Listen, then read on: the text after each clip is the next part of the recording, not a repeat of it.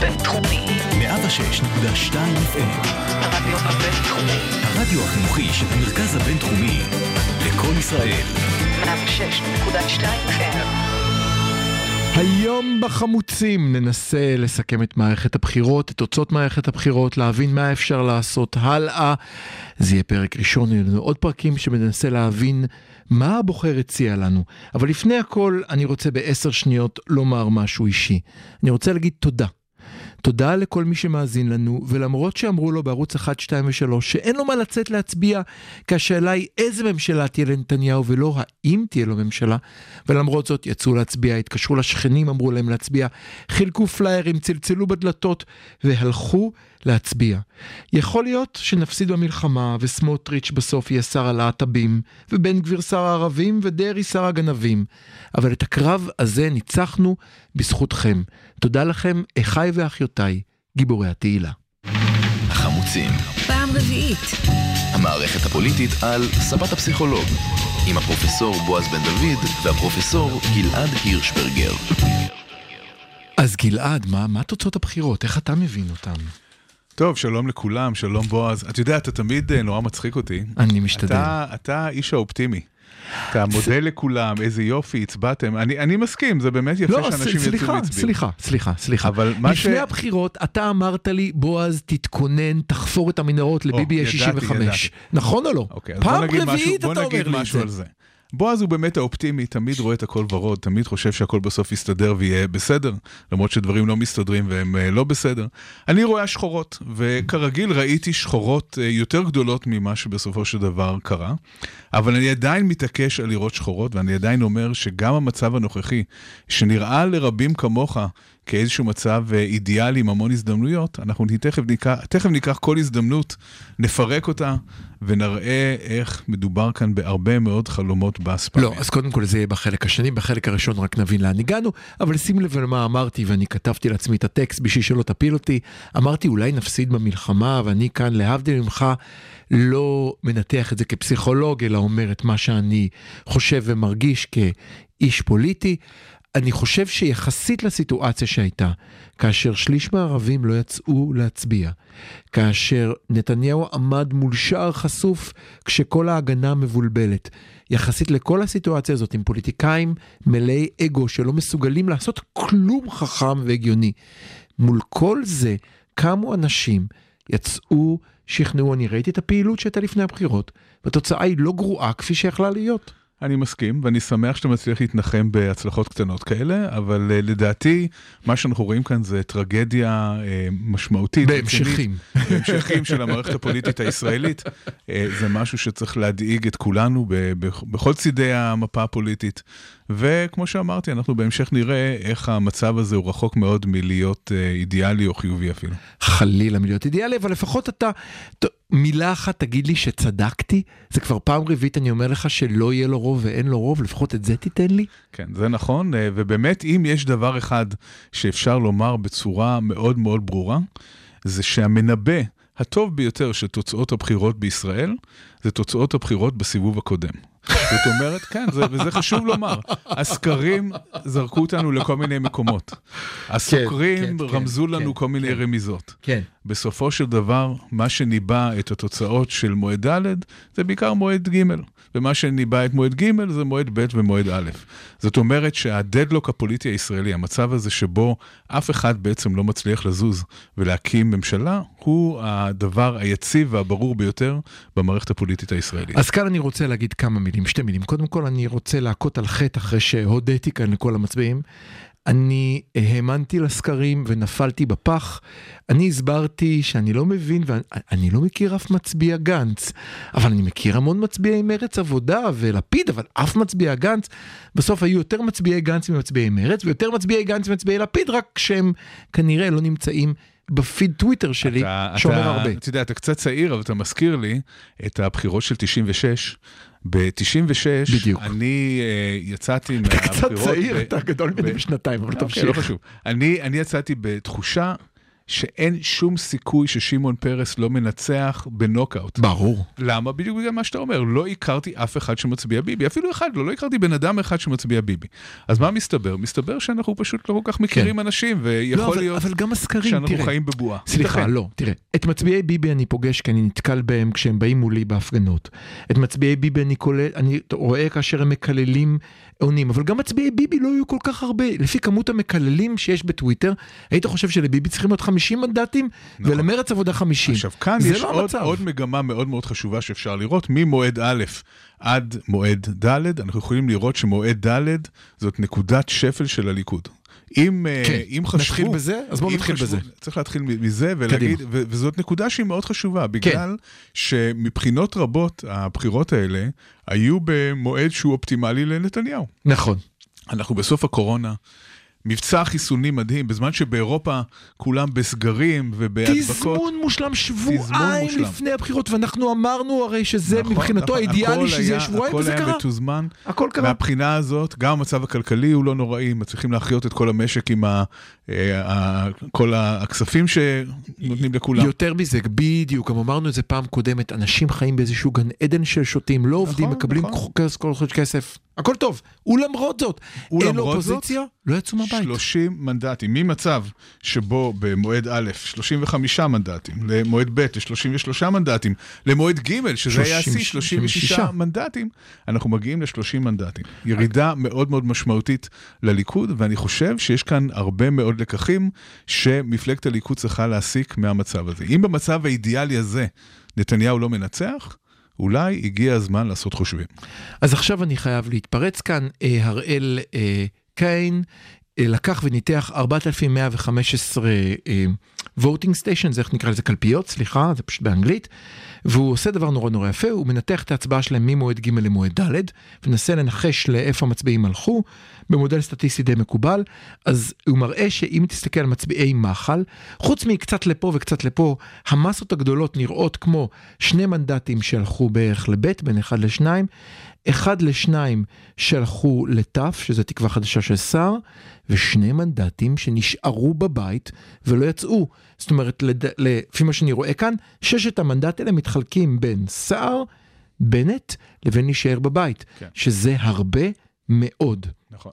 Uh, בכלל, uh, המון המון מצביעי ליכוד לא יצאו להצביע, והעניין הזה שאנשים שהצביעו ליכוד במועד הקודם והפעם הצביעו לשר, זה בדיוק איפה שביבי הפסיד. זאת אומרת, ביבי בחוסר היכולת שלו לשמור על אה, שר קרוב לאן שהוא צריך אה, להיות, אה, לשמור על שר בתוך הליכוד, הוא בעצם אה, איבד את היכולת להרכיב ממשלה. גם סער גם היה, בנט, אם סער היה כן. בפנים, מהמם. רק שר, מספיק שסער אוקיי. היה בפנים, כנראה שהוא היה מקים ממשלה עכשיו.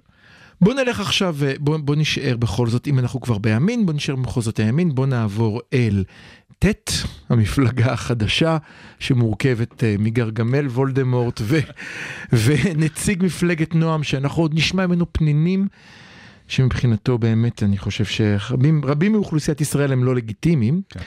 רווקות אה, מאוחרת. כאן באמת... אה, מה אני- קרה איתם? איך הם קיבלו שישה מנדטים?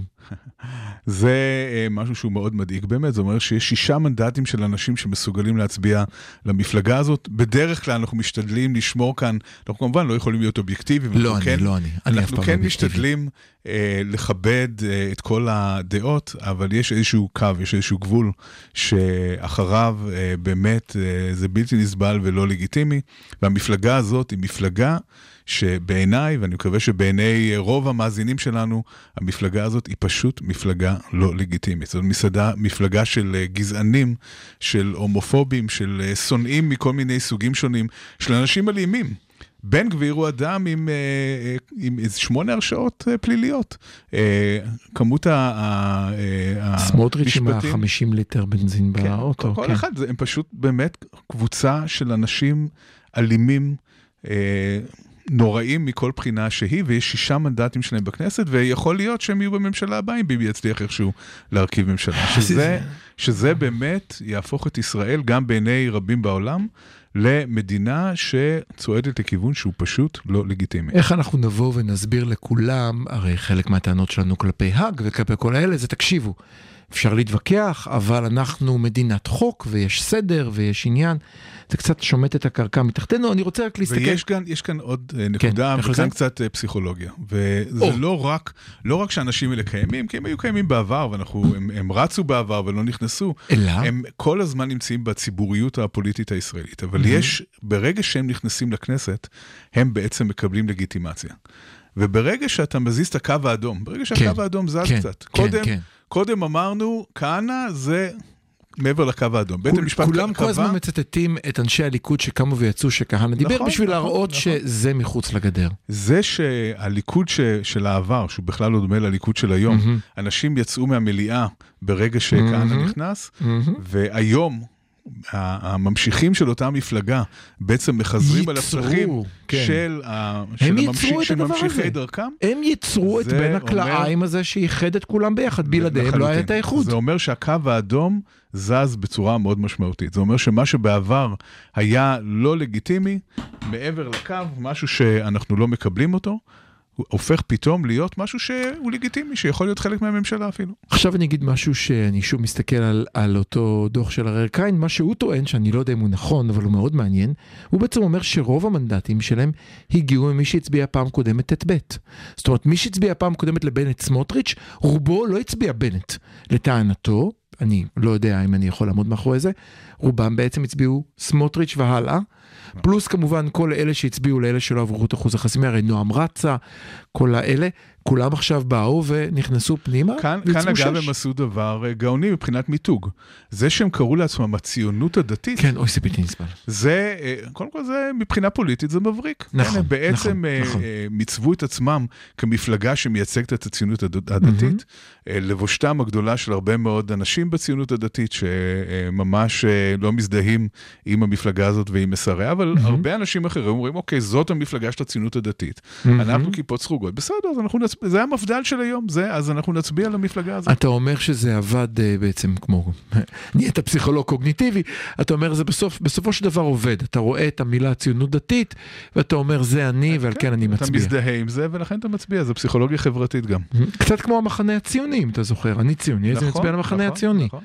אוקיי, המחנה הציוני זה היה משהו אחר, זה היה ניסיון בעצם להגיד, תראו, אנחנו כן ציונים, כן? כן. זה היה מין הצטדקות כזאת. אה. כאן מדובר, כאן מדובר במשהו אחר, כאן מדובר בעצם במפלגה שבאה ואומרת, אנחנו מייצגים אתכם, אנחנו ההמשך של מה שתמיד הצבעתם לו. בעצם מפד"לניקים מצביעים למפד"ל, אז זה המפד"ל החדשה. למרות שהם עם ט' ולא עם ב', אבל אם אתה זוכר, בנט רק- הצליח לגנוב את הב', אבל... כן, זה כבר... אה, לא, בכלל, אני רוצה, טוב, אם, אם נמשיך כאן הלאה, אני רוצה להישאר בימין, ותכף נדבר על אותיות, אבל נעבור על ת', תקווה חדשה, מפלגתו של סער, שהרחבתי את אחד הפרשנים הפוליטיים שאמר שיש לו מזל שבחירות מועד ד' יהיו עכשיו, אם זה עוד שבועיים הוא היה כבר...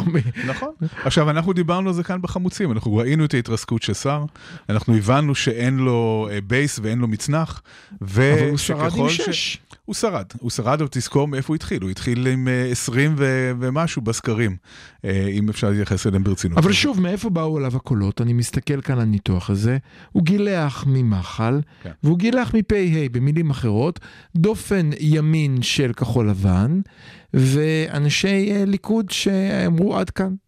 נכון, עכשיו זה, זה מספיק בשביל להכריע את הבחירות האלה. זה- לגמרי, לגמרי. זאת אומרת, הוא בעצם לקח שני מנדטים קריטיים לליכוד, ובעצם אה, אפשר למצב הנוכחי אה, להתקיים, ואנחנו נראה אה, איך סער הולך להשתמש בכוח הזה שיש לו, כי הוא כן בעצם קיבל איזשהו מנוף, שאם הוא ינהג בחוכמה, שלא בטוח שהוא יוכל לעשות את זה, כן.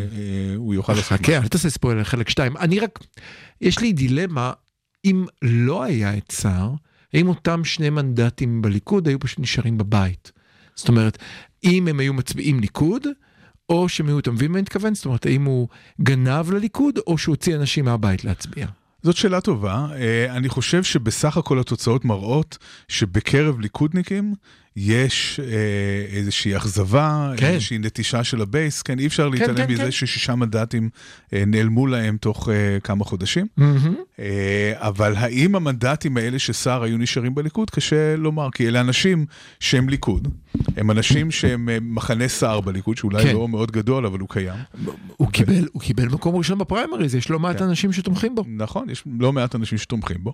אה, יכול להיות שאם הוא היה נשאר בליכוד, אז אנחנו נדבר מאוחר יותר על הטעויות של ביבי כן. לגבי סער, אבל, אנחנו אבל לזה. זה בהחלט חלק מהעניין. זה יהיה חלק שלוש, אנחנו עושים כאן המון ספוילרים.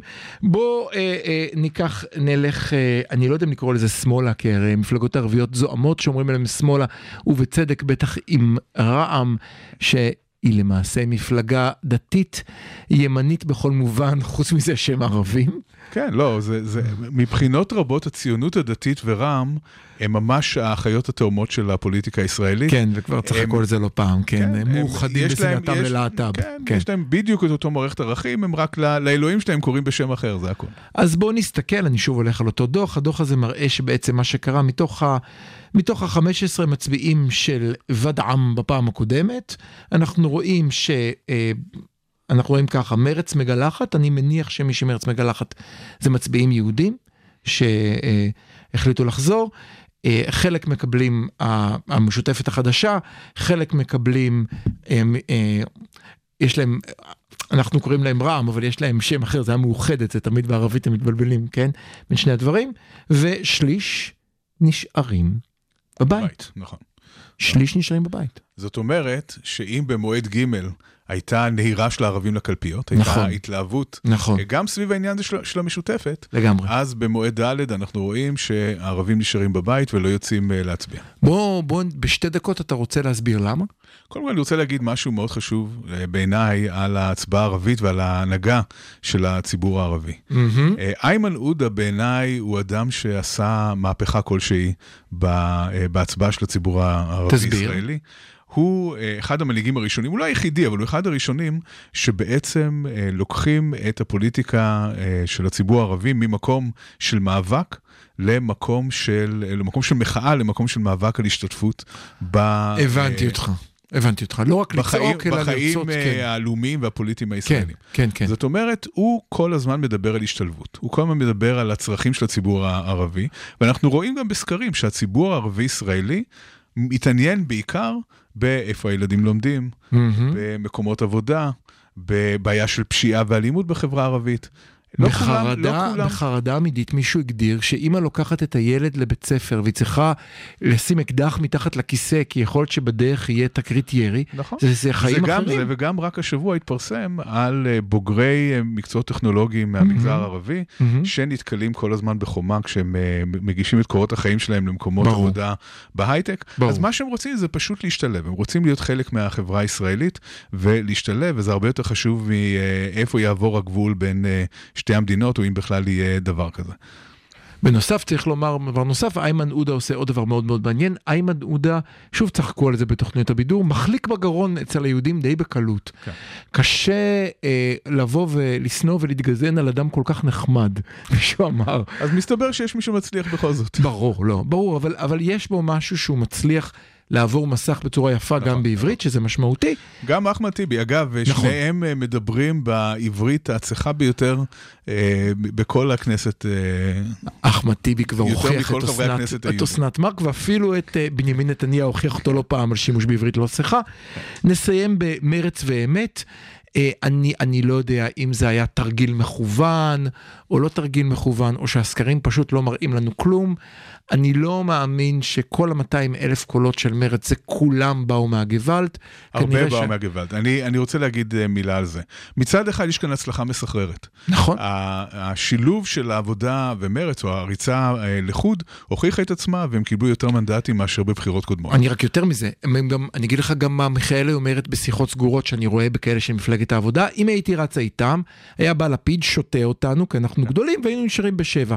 ככה אנחנו שבע והם שש וכמעט מאוד היינו יכול להיות. אבל כאן אני רוצה להשוות בין העבודה לבין מרץ. אני חושב שמיכאלי עשתה עבודה מדהימה. היא הוציאה מפלגה מהקבר, מפלגה שסקרים, לפני שהיא בעצם הגיעה, אה, הראו שיש להם 0.7 מנדט, כן, והכפילה נכון. אותה פי 10. כן, נכון, היא לקחה מפלגה נכון. מהקבר והקימה אותה נכון. בקמפיין מדהים ועוררה הרבה מאוד התלהבות. נכון. מרץ לעומת זאת התבססו הרבה מאוד על קמפיין גוואלד, יש שם משהו שדורש תיקון. אם מרץ רוצה לשרוד את הבחירות הבאות, אני לא חושב שעוד גוואלד יעזור הפעם. אני, אני נוטה להסכים איתך, אני רק רוצה להגיד, אה, אני, אני מנסה להיות רגע פסיכולוג קוגניטיבי התנהגותי, שמנסה לראות את ההבדל בסוף. ההבדל בסוף שאפשר לכעוס עליהם ולהתעצבן עליהם ולהגיד זה לא פייר, אבל מרץ ועבודה השיגו את מה שהם רצו. אין ספק. השורה התחתונה זה שזה הישג מאוד יפה לשניהם. לא רק שזה הישג מאוד יפה לשניהם, גם שנינו לפני זה ביכינו את העובדה שלא יהיה מישהו, ב... שלא יהיה מישהו בכנסת, כאשר יקרה הפוגרום הבא ויקרה הפוגרום הבא בדרום הר חברון, יגיד, זה לא אנחנו, ככה אנחנו לא מתנהגים. יש לנו ויכוח איתכם ארוך, אבל אנחנו לא באים ושורפים ילדים. ושוב, נראה איך הם יוכלו לנצל את הכוח הפוליטי שלהם. אנחנו נראה את זה אחרי השיר, תישארו איתנו, אנחנו כבר חוזרים.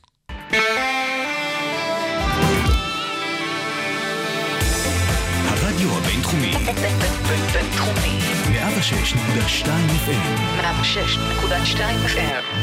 החמוצים, פעם רביעית. המערכת הפוליטית על ספת הפסיכולוג, עם הפרופסור בועז בן דוד והפרופסור גלעד הירשברגר. אז תודה רבה שחזרתם אלינו לחלק השני של התוכנית. אה, אנחנו קוראים לו איך יוצאים מדדלוק, או איך מחלצים את תעלת סואץ מ... איזה מטאפורה נהדרת, אה? לא, תשמע, זה גם קורה בדיוק בפסח, הים נחצה ואפשר לעבור עליו. כן, זה ממש אה, אצבע אלוהים. איפה הגזלן שעובר שם ומוחק, מוכר זה?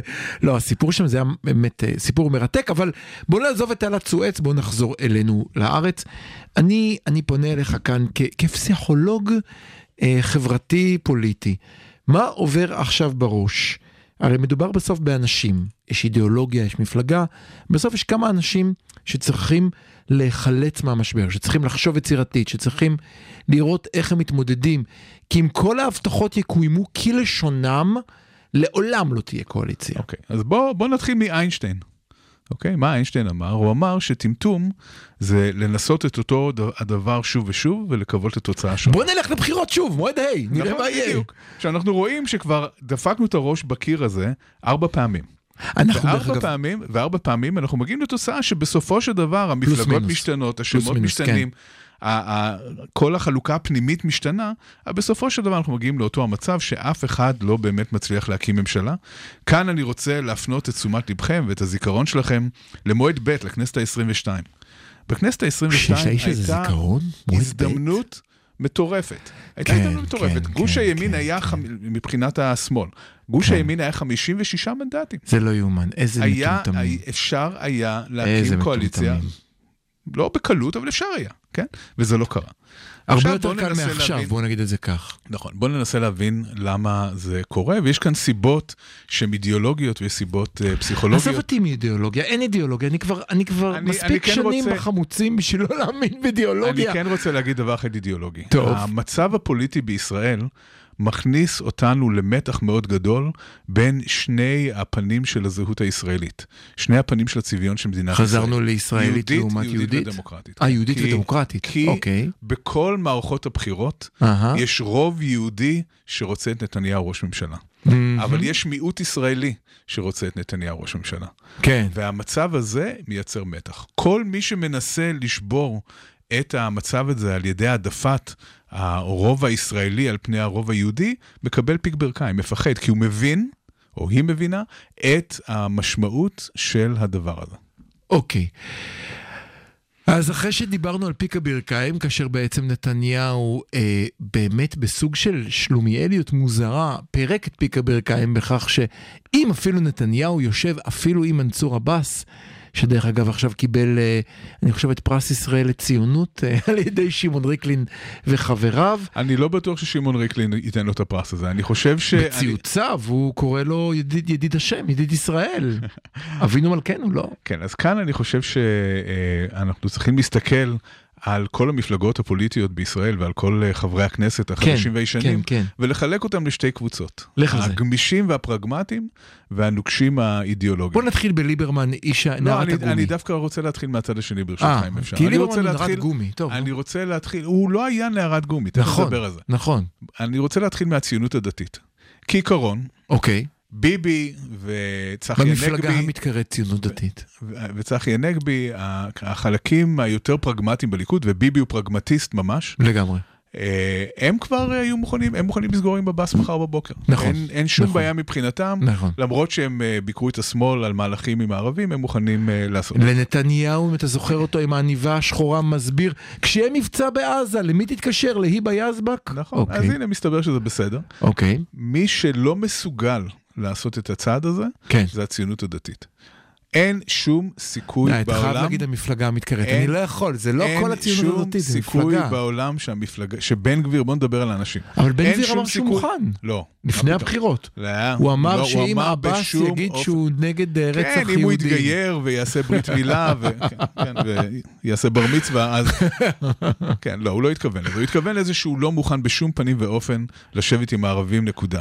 וגם כן. סמוטריץ', הליברל המתון בחבורה הזאת, גם הוא לא מסוגל לעשות את זה. וכאן כאן לא, כן אתה צודק, צריך... יחסית אליהם הוא... כאן כן לא צריך כלום. לתת קרדיט לאנשים קיצוניים. אחד הדברים הטובים באנשים קיצוניים זה שהם מאוד מאוד נוקשים ולא מתפשרים, וזה גם מלמד משהו על האידיאולוגיה הפוליטית שלהם. כשאד- כשאדם, במיוחד אדם פוליטי, הוא כן. כל כך נוקשה ולא מתפשר ולא מסוגל לקבל את המציאות הפוליטית, אלא הולך עם הראש בקיר, עם האמונה המאוד אה, נוקשה שלו, אז ככה הדברים נראים. אותו הדבר, אגב, לגבי ההתמודדות שלהם עם הבעיה אה, מבחינתם, שיש בישראל מיליוני פלסטינים.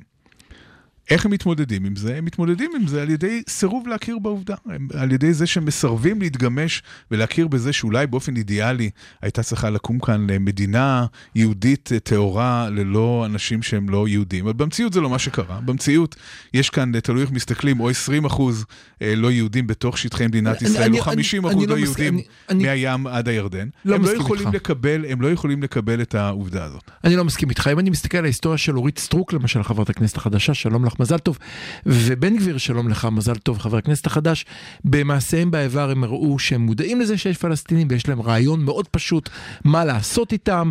אתה זוכר את אה, השרמוטה? אתה זוכר את הצעקות בוודאי, האלה? בוודאי. זאת אומרת, הם לא מתעלמים מהם, הם יודעים שהם שם, והם מתכננים להם הם לא אוטובוסים. מוכנים, הם לא מוכנים אה, לקבל או, או לגבש עמדה פרגמטית אה, לא, לגבי בוודאי, העובדה שיש כאן. אנשים שאולי הם לא רוצים. אוטובוסים, כן, ט'. שזה כמובן, זוכר מה המקור של האות כמובן, ט'? זה רעיון, כן, זה רעיון שהוא אה, מעבר לכך שהוא לא מוסרי, הוא גם פרגמטית בלתי אפשרי, כן, מדובר ב, בלא פחות מג'נוסייד, כן, כל, כל הג'נוסיידים מתחילים מרעיונות של אה, גירוש. אני, אני לא חלוק עליך, אבל אי אפשר להגיד שהם מתעלמים, הם מודעים, הם פשוט רוצים לעלות אותם לאוטובוסים. הם אז- לא מסוגלים לקבל את המציאות כפי שהיא. כן, הם רוצים כן. לייצר איזושהי מציאות מציאות אלטרנטיבית שהיא. שהיא בלתי אפשרית.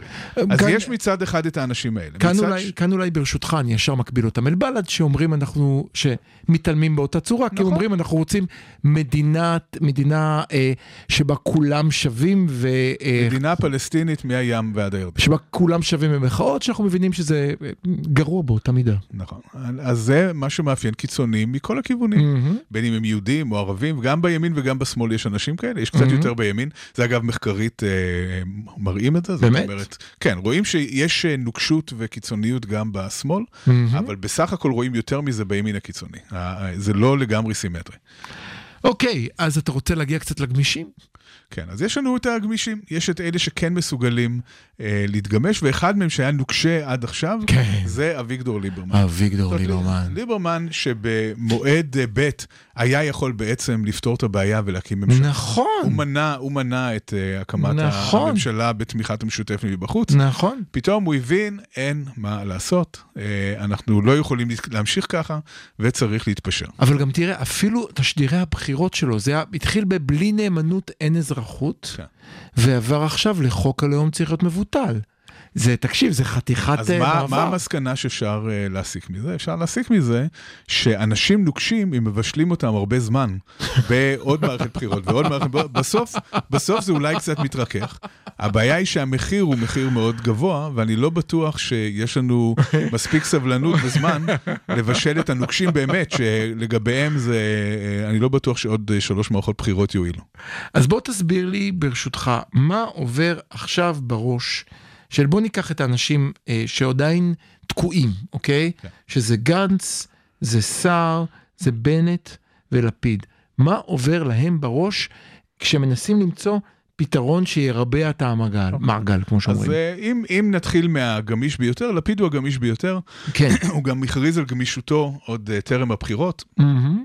ואמר, אני לא מתעקש להיות זה שמוביל את המחנה, אני לא מתעקש להיות ראש ממשלה, אני רוצה שקודם כל נחליף את אה, נתניהו, ואני פתוח להצעות, אני פתוח לשמוע אה, אה, ועם זאת, הוא, רעיונות הוא אחרים. פועל עכשיו לקבל את המנדט מהנשיא. הוא פועל לקבל את המנדט מהנשיא, mm-hmm. אבל להערכתי הוא מבין שאם הוא לא נותן את המנדט הזה לבנט, הסיכוי שדבר כזה יקרה, שגם Mhm. ככה הוא שואף לאפס, כן? בואו בוא נהיה אמיתיים. כן. כל המהלך הזה הוא מהלך שסיכויי ההיתכנות שלו הם מאוד אה, נמוכים. אם לא יהיו אבל אם הפתעות משוגעות, ואומר, כן. אם הוא בא ואומר, אני הולך להיות בראש ולא מעניין אותי שום דבר, כן. הסיכוי ש, שבנט יוכל להתגמש, במיוחד בגלל הקשיים שדיברנו עליהם קודם, הם מאוד מאוד קטנים. אז אתה רוצה לעבור לבנט? בוא, אתה רוצה לדבר קצת על נוקשות? כן, אז כאן, כאן בואו נדבר, יש כאן אה, שני, אה, שתי מפלגות שמעניין במיוחד לדבר עליהן, כן. כי יש כאן אה, מתח מאוד גדול בין האינטרס הפוליטי שלהם אהה. לבין האידיאולוגיה והמידה במילה שלהם. אוקיי. זאת אומרת, גם בנט, עם כל מי שהוא מביא איתו, וגם סער, עם כל מי שהוא מביא איתו, מהמם. לא יכולים לשבת עם המפלגות הערביות. זה, מבחינה אידיאולוגית זה בלתי אפשרי מבחינתם. הם קוראים להם תומכי טרור, הם, הם השתמשו בכל הנאצות והגידופים האפשריים כדי לתאר את האנשים האלה. אממה, אם הם לא מקימים עכשיו ממשלה חלופית לנתניהו והולכים למערכת בחירות חמישית, זה הסוף שלהם. זה כנראה הסוף שלהם. מה הסיכוי של... מה שעצר את הצניחה של סער זה שהגיעו הבחירות סוף סוף, כן? כן. זאת אומרת... גם הצניחה של בנט, דרך אגב. וגם הצמיחה של בנט. זאת אומרת, הסיכוי שלהם לשרוד עוד מערכת בחירות היא קטנה, אז מבחינת האינטרס הפוליטי שלהם, ברור שהם צריכים לחתור להקים... אה, לא רק זאת, לבנט יש הזדמנות מדהימה. להיות ראש ממשלה לשנה, לא חשוב, כן, משהו אה, מאוד זמני, אבל החלום הרטוב שלו יכול להתגשם. ממנהיג של מפלגה קטנה, לעמוד אה, בראש הממשלה. בוא נעזוב רגע באמת את כל, ה, את כל הדברים הפוליטיים שרצו עכשיו, אם יהיה לו עריקים, אין לו עריקים, בוא נעזוב את זה, זה לא אנחנו. אנחנו לא פרשנים פוליטיים. אני רוצה בכל זאת, אני מקשה עליך, צריך קצת לחשוב על כל הרעיון הזה של אותה נוקשות מחשבתית ועל איך אנשים יכולים לקחת מלבוא אל שולחן. אני, אני אסביר לך למה אני חושב. אני חושב למשל על אותם משאים מתנים שנגמרו בהסכמים גדולים היסטוריים. כאשר מושיבים שני אנשים בחדר, שלכאורה אחד מהם הוא הרמטכ"ל אה, אה, רבין והשני הוא ערפאת עם ידיים מטפות דם דקה לפני, ובסוף אחרי שהם יושבים בחדר הרבה זמן, מגיעים למשהו. לא טוב, לא מושלם, אבל מגיעים למשהו שהוא פשרה מאוד גדולה בשני הצדדים. איך התהליך הזה יכול לקרות? אוקיי, אז אני, ברשותך, אני לא אדבר דווקא על רבין וערפאת, לא, אבל ברור, אני לא, כן סתם אדבר. אני כן אדבר על הפסיכולוגיה של התנגדות לשינוי. מעולה. כן, ה- לבני אדם כל הנושא של שינוי הוא מאוד קשה. כן, מי הזיז את הגבינה שלי? אנחנו לא אוהבים שדברים אה, משתנים, אנחנו מתקשים להתמודד עם שינויים, אנחנו רוצים שמחר יהיה כמו אתמול, ואז הכל מרגיש נוח, העולם מרגיש אה, בטוח, ואפילו הדברים הרעים הם מוכרים, אז אנחנו יכולים לחיות איתם בשלום. אוקיי. אנחנו יודעים גם מהמחקר שהתנגדות לשינוי גבוהה במיוחד בימין. זאת אומרת, אנשים שמרנים, המ- המושג שמרנות, מושג שמרנות זה לשמור על המושג הקיים. שמרנות זה לשמור על הקיים. נכון? כן. זאת אומרת שאנשים שמרנים יותר, הם אנשים שמתנגדים יותר לשינוי. וכאן אני רוצה לקחת את זה לתחום שאני עוסק בו, וזה התחום של אה, תפיסת איומים והזדמנויות, מעולה. ולדבר על זה שכאשר נמצאים במצב הפוליטי שאנחנו נמצאים בו היום, מהמם. יש כאן מתח בין איומים לבין הזדמנויות. האיום, אם נחזור שוב לסער ולבנט, כן. האיום הוא שהם ייכנסו לקואליציה בתמיכה או עם המפלגות הערביות, כן. ואז בעצם הקרקע האידיאולוגית נשמטת תחת אה, רגליהם, והם לא יוכלו להסתכל לבוחרים שלהם בעיניים ולהגיד, אנחנו אנשי אמת, ואנחנו מייצגים אה, אידיאולוגיה ימנית אה, מאוד ברורה. ברור. מצד שני, אם רק מסתכלים על איומים ולא תופסים הזדמנויות ולא רואים את Mhm. ההזדמנויות, אז כמובן שהם מפסידים את היכולת, אולי את חלון ההזדמנות, אה, שאני לא יודע אם הוא ייפתח אה, בעתיד, אה, לעשות את השינוי שהם מייחלים לו בסופו של דבר, ושהוא גם נכון להם אה, פוליטית. ולקבל את הכוח שהם רוצים לקבל. נכון. שאנחנו יודעים גם כאן שימנים מאוד טובים בתפיסת איומים, וזה, ו, וזה לא לגנותם. זאת אומרת, אנחנו גם צריכים אנשים שתופסים איומים. אז- אבל הם אז אני- הרבה פעמים. הרבה פעמים מפספסים הזדמנות. לא, אבל מהו האיום? האם האיום הוא הבחירות הנוספות ואז הם יימחקו, או שהאיום הוא להיות עם ערבים? מהו האיום? יש לא, כאן שני איומים. הוא איום, האיום הוא איום של אה, אה, בעצם אה, אה, להתגמש באידיאולוגיה שלהם, להתגמש בכל מה שהם אמרו, לחזור בהם על דברים שהם חשבו ואמרו, ולא להיות מי שהם. יש כאן, אתה אומר יש כאן שללכת איום על- לבחירות זה לא איום, זה סוג של להישאר על אוטו פיילוט, זה לא לעשות כלום. ללכת לעוד בחירות זה להגיד, אנחנו נאמנים לדרכנו, אנחנו הבנתי. שוב פעם נרוץ עם הראש בקיר. הבנתי. גם אם נתאבד כשאנחנו עושים את זה, לפחות נוכל להגיד, אנחנו לא השתננו, נשארנו מי שאנחנו. אז אתה אומר ש... להשתנות זה איום, אה. זה, זה איום זהותי. תסביר לי למה יש זה כאן- יותר איום מהידיעה שאם אתה תרוץ שוב אתה תיפול. למה לרוץ שוב וליפול זה פחות איום מאשר ל- ל- לראות שהתהום מולך ולקחת שמאלה. מה יותר איום לחייל? להסתער בשדה הקרב ולמות כמו גיבור, או להגיד, חברים, המלחמה הזאת נראית לי מטופשת לגמרי, אני ממש לא בעניין, אני הולך הביתה. תלוי באיזה ואז- גיל. ואז- היום הייתי נשאר בבית, אבל כצעיר רצתי אוקיי, כמו אבל טיפש. הרבה אנשים רצים, בגלל כן. שהם מעדיפים, כן.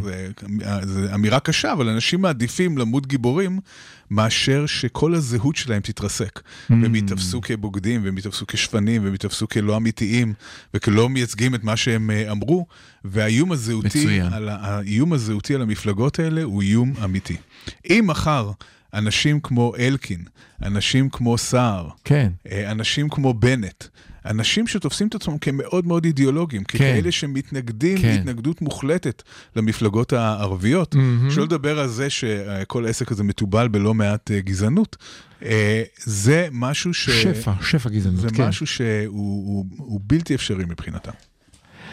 אז אנחנו מסכמים את מה שאתה אומר. אה, להישאר על אוטו פיילוט זה קל יותר, אה, לחתוך, אה, לחתוך הצידה מהנתיב שמוביל אל התהום, דורש סוג של אומץ ויכולת להתמודד אני עם אגיד מה יותר שיקרה מזה, יש אחר כאן כך. מתח, במפלגות האלה יש מתח בין האיום הקיומי הפיזי שלהם, האם אנחנו. נשרוד, כן, לבין האיום הזהותי, האם אנחנו נוכל להסתכל על עצמנו במראה ולהגיד, אנחנו נאמנים לדרכנו. אני מודה שהדוגמה שלך עם חיילים, אני מאוד מחבב אותה, כי היא מזכירה עוד לי ישר את התמונה מבלוז על חופש הגדול, אם אתה זוכר. כן, בטח. של אותו אחד שמסרב שירות וצוחקים עליו כל הזמן שהוא מסרב כי הוא פחדן, הוא אומר לו אני אמיץ. ואז הפרק מסתיים שהוא עומד על איזה משהו מפחיד ככה, והוא צועק אני לא פחדן. מסתכל למטה אל המים, אני לא פחדן. כאילו האומץ הפיזי לעמוד שם ולהתמודד מול המוות, מסביר את זה שהוא לא פחדן, אלא הוא בחר בבחירה יש, האמיצה. יש הרבה מחקר פסיכולוגי בתורת המשחקים, שמנסה להסביר מדוע בעצם חייל אה, בשדה הקרב, אם ניקח את הדוגמה, תמיד לוקחים את הדוגמה של מלחמת העולם הראשונה, שרצים מתוך השוחות מהמם. ולתוך אה, אש אה, מקלעים, מדוע חייל עושה את זה? אה, מבחינה לוגית הוא לא אמור לעשות את זה, בגלל נכון. שהתרומה של המלחמה היא אפסית, כן. הסיכון שהוא לוקח הוא גבוה מאוד, ואם הוא ילך הוא לא יפגע במלחמה. כל, כל כן. מלכוד 22, כל הספר, כן. בעצם מתעסק בעניין הזה, והסיבה היא הלחץ החברתי המאוד גדול וה, וחוסר המוכנות אה, אה, לפגוע ב, בזהות אה, שלך כפטריוט, כחייל וכולי. אז אני אשאל אותך שאלה מפתיעה, אם בא לך, אתה לא חייב לענות עליה בדקה. איזה עצה היית נותן בשביל לגרום לאנשים האלה להתגמש? מה אפשר לעשות? לעשות להם לחץ חברתי להתגמש? מה, מה הדבר? לא, אני חושב שהפתרון, אה, שהוא מצד אחד הזוי לחלוטין מבחינת המפה האלקטורלית, אבל הוא הפתרון ההגיוני ביותר של לתת לבנט את הכהונה ולהגיד, קח, תהיה ראש ממשלה. אתה תהיה ראש הממשלה, אתה תבוא לבחירות הבאות, לבחירות חמישיות, בתור ראש ממשלה. אחרי זה תעשה מה שאתה רוצה. אני חושב שהפרס... אה, צריך להיות מספיק גדול ומספיק מפתה כדי שהם יהיו מוכנים להתגמש קצת. אותה ממשלת ריפוי. ואני לא חושב שיש הרבה סיכוי שזה יקרה אגב. אז אנחנו, אנחנו יוצאים לשיר ואז נחזור וננסה להבין האם נתניהו קוסם כמו שכולם אומרים. כבר חוזרים.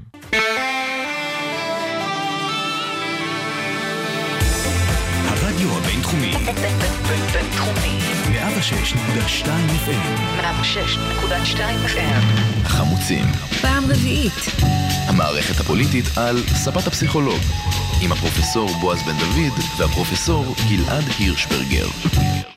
אז תודה שחזרתם אלינו לחלק השלישי והאחרון, וכמובטח, כמו שאמרנו מההתחלה עם ספוילרים מטורפים, אנחנו נשאל האם נתניהו באמת קוסם. ספוילר, הוא החמיץ מול פתוח כשההגנה מבולבלת, אז יש לי הרגשה שגלעד הולך להגיד שהוא גולי לא כזה קוסם. גלעד, שלך.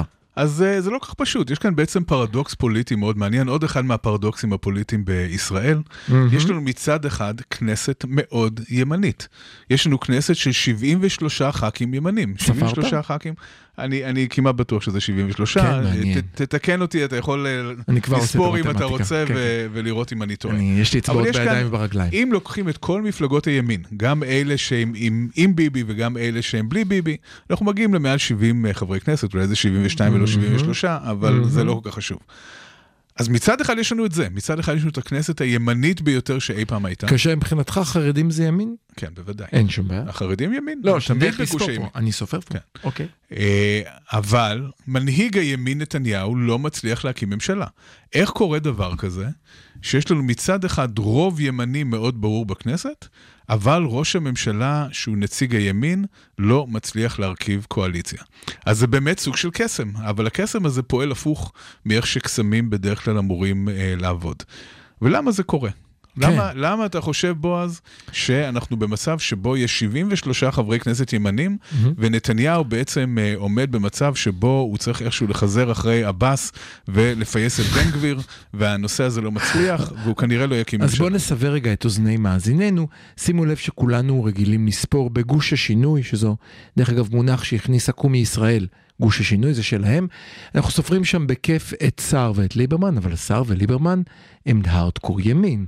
הם לא, לא רק שהם לא מתביישים בזה, הם גאים בזה, זה נמצא להם על השלט למעלה בבית, כן, בפתק. יהיו שיטענו שגם אה, יש עתיד, כן, שגם לפיד היא לא מפלגת שמאל, היא מפלגת אה, מרכז ימין. כן. מפלגת מרכז, ת- תלוי, הם, הם נעים והם נעים, זאת אומרת, הוא היה מרכז ימין. חלק, חלק ממצביעיה הם אה, מצביעי ימין. היום, היום הוא קורץ הרבה יותר לשמאל, פעם הוא קרץ יותר לימין, אתה הוא... יודע, זה לא, זה לא חשוב, בלי לפיד קריצותיו, כן. יש 73 חברי כנסת כן, כן, ימין. בוא, בוא נספור את לפיד כ- כמפלגת עבודה היסטורית של פעם, נניח, אם כן. אתה רוצה, אני מסכים איתך. שגם לא הייתה באמת שמאל. נכון, נכון, לכן אמרתי שהיא גם לא הייתה לגמרי שמאל, לכן אז קמו מפ"ם ועוד. אבל אני חושב ש... אמ, נדמה לי, כמו שאני מדי פעם אומר, שיש פה פוליטיקה אידיאולוגיה, אבל בסוף הכל זה בני אדם ופרסונלי, ואנשים שמחזיקים איתם בבטן רגשות על אנשים אחרים. הכל אישי, הכל אישי, וזה מדהים, ליברמן. זה מדהים איך האישי הזה כן. משפיע על המערכת הפוליטית בצורה מטורפת. זה משפיע ממש על עתיד המדינה. רגע, אבל אזכיר לך, הכל למה- התחיל, רגע, הכל התחיל, סליחה. למה הגענו למועד ב'? בגלל בן אדם אחד. אביגדור ליברמן, נכון. שפעם היה ה-best bud, מה זה היה? היה שר הביטחון של נתניהו. היה, היה גם לפני זה המנכ"ל המשרד, היה הכל עם ביבי, קם ואמר עד כאן והכניס אותנו לסחרחורת. נכון. אז זה מתחיל גם אה, מוקדם יותר, יש לנו גם את אה, ימינה. כן, יש לנו, נכון, את, יש נכון. לנו את אה, בנט ואת איילת שקד, שמבחינה אידיאולוגית, מפד"ל, למה, למה הם לא נמצאים בליכוד? הם היו יכולים להיות בליכוד. בגלל הם רצו להיות אחת. בליכוד ורוצים להיות בליכוד, אישה אחת פסיכולוגית אה, חינוכית. עם האפנדצית. כן, אה, אז, אז מסתבר שדברים כאלה גורמים לכך שמפלגה כזאת שבקלות הייתה יכולה להשתלב בליכוד, או לפחות להיות בקואליציה עם הליכוד, מהמם. היא מתנדנדת, היא לא בהכרח עם הליכוד. אז אמרנו, יש לנו אה, פרסונלי אצל בנט, יש לנו פרסונלי אצל ליברמן, אתה רוצה לרמוז על עוד מישהו שיש לו יש משהו לנו גם את פרסונלי? גדעון, יש לנו את גדעון סער. הייתה לי הרגשה שתגיע לזה. עכשיו, גדעון סער זה מקרה מאוד מעניין. מה אתה רוצה מגדעון סער? אחד היה הדברים שנתניהו, אחד הדברים. שנתניהו הצטיין בו לאורך השנים. וזה היה נראה כמו משהו שאולי חכם מבחינה פוליטית, אבל זה קטסטרופה פוליטית גם מבחינתו, זה שכל אדם שנראה לו קצת מאיים עליו, הוא בעצם הדיר אותו והרחיק אותו. מהמם. זאת אומרת, הוא יצר מצב שסביבו יש אנשים מאוד בינוניים, אם לא, שלא לומר אה, הרבה פחות מבינוניים, כן. והוא שולט בהם ביד אה, רמה וללא מהמם. מצרים, מהמם. בעצם הוא חי בסביבה נטולת איומים אה, לחלוטין. יש גם שמועות על זה שאשתו קצת מעורבת בניקוי הסביבה שלו מאנשים שיכולים להיות אה, אה, לא נאמנים, או כאלה שיש להם מוטיבציות אה, גדולות מדי. וגם גם על זה שוחחנו. אני רק רוצה להגיד כאן משהו בגלל שאמרת, אני לא יכול להתאפק.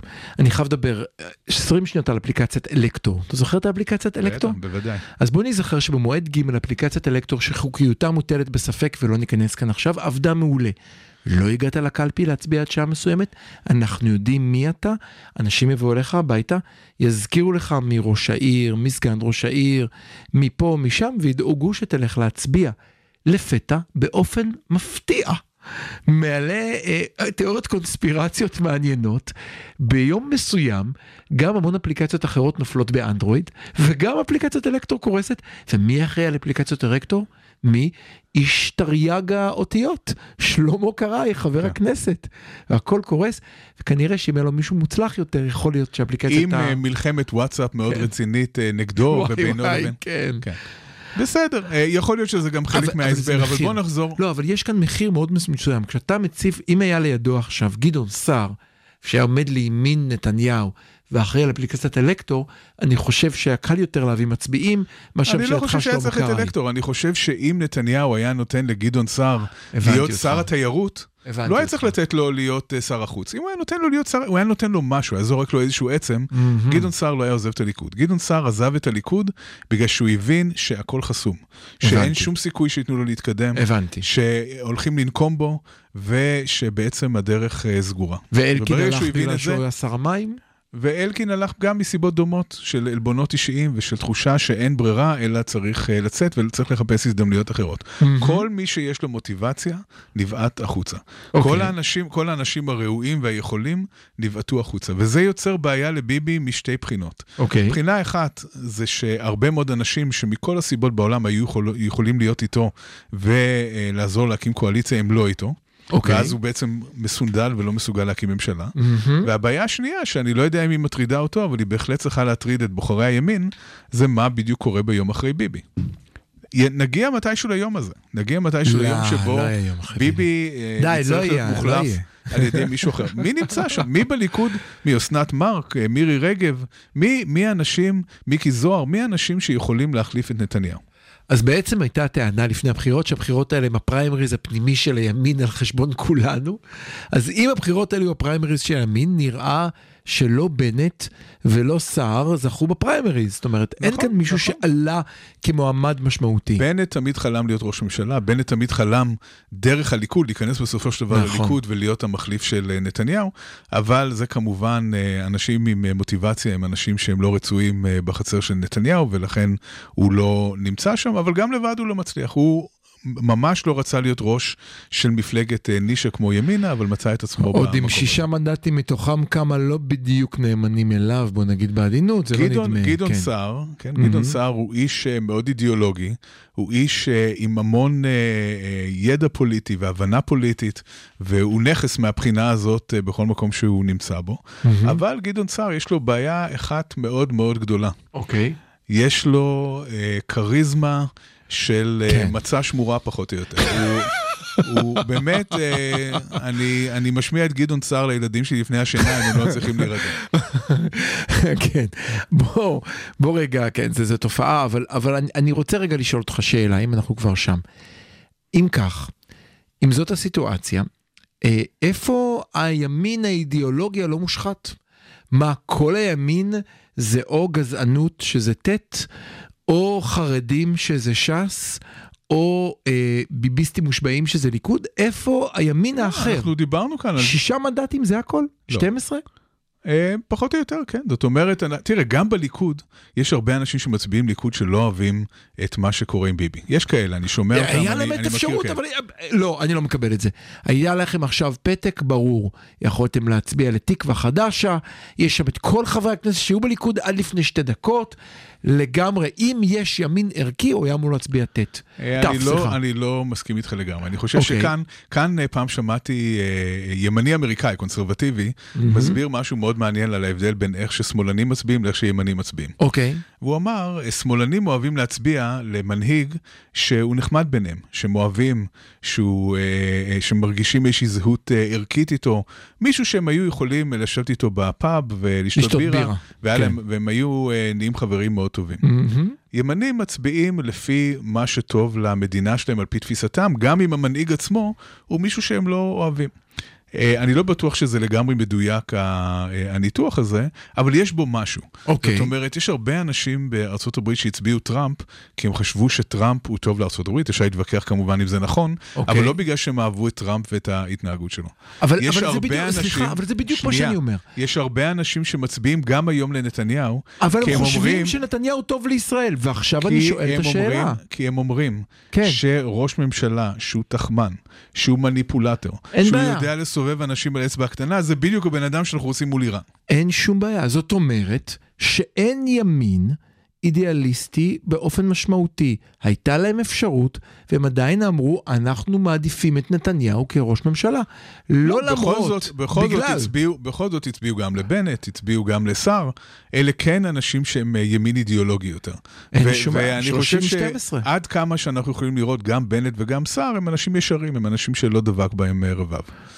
30-12 זה פער די משמעותי. בסדר, נכון. זאת אומרת, זה לא שהיה כאן עניין. אתה רוצה להגיד מילה אחרונה על הערצת ביבי, ככה 30 שניות אחרונות? על ה? הערצת ביבי, איך המעריצים התמודדו אם חלילה נתניהו לא יהיה ראש ממשלה. אני חושב שכאן יש עוד איזשהו פחד אה, לא רציונלי בציבור הישראלי, שאם מישהו יקים אה, ממשלה אחרת, אז המונים יצאו לרחובות, כן. ותהיה מלחמת אזרחים, כן. אה, והכל יבער ויהיה נורא ואיום. הצל הודיע שהוא הולך, הוא והאריות שלו הולכים להילחם ברחובות. כן. אז אני חושב שאלה הפחדות, וששום דבר מזה לא באמת יקרה. יכול להיות שיהיו פה ושם מהומות, כן? יכול להיות שפה ושם יהיו אה, אנשים שהם באמת בימין המאוד קיצוני שיתפרעו, אבל רוב הציבור הישראלי יקבל את התוצאות, גם אם הוא לא אה, אוהב אותן. כמו שקיבל רוב- אותם כשרבין עשה הסכמי שלום? כמו שתמיד, הציבור הישראלי ברובו מאוד מאוד מתון. גם, אנשי, גם אנשים שמצביעים ימין הם אנשים מתונים, הם אנשים ממלכתיים, הם אנשים ששלטון החוק אבל אתה זוכר מה קרה. ושהשמירה, ושהשמירה על אה, מדינת ישראל היא חשובה להם, והאנשים האלה לא יצאו לרחובות ולא לא כאן, לא תהיה כאן מלחמת אזרחים, זה אני יכול להבטיח. אז בנימה, התחלנו בנימה אופטימית שהודינו לכך שאסון אה, אה, בינתיים לא, התרח, לא התחולל, ואנחנו מסיימים בנימה אופטימית שלא תהיה מלחמת אזרחים, אנחנו... אבל אני כן אגיד משהו פסימי, אם הייתי צריך, אם הייתי צריך לנחש לאן אנחנו הולכים, אני כן. מנחש שאנחנו הולכים למועד אה, ה' ואחר כך לו' ולז' ולח' ולט', כי אני לא רואה את הנוקשים אה, אה, מתגמשים בתקופה הקרובה. אז לפני שניפרד, אני חייב לקחת את הצד השני, ואני אחטא בהימור, כמו שהימרתי שבבחירות האלה לא יהיה לו 61, אני אאמר שאיכשהו בדרך ניסית כלשהו, לא יהיה מועד ה', לא יודע איך, אולי קורונה חדשה, זן חדש. אני אגיד לך מה יקרה, אנחנו לא דיברנו על גנץ, ראש הממשלה החליפי, שבנובמבר הופך להיות ראש ממשלה. זה... עכשיו, זה מצחיק אותך אולי, אבל יש לו אינטרס, נכון. יש לו אינטרס לטרפד את המהלכים. יש צריך לו- להבין את זה, יש לו אינטרס יש- לטרפד את המהלכים. יש לו אינטרס להיכנס שוב עם נתניהו אה, לעסק. אנחנו חייבים לסיים, תודה רבה. אנחנו נהיה פה שבוע הבא למועד ב'? ל- ל- לחלק ב'. לחלק ב' של אה, מועד אה, ד', post. mortem. post mortem. להתראות, תודה.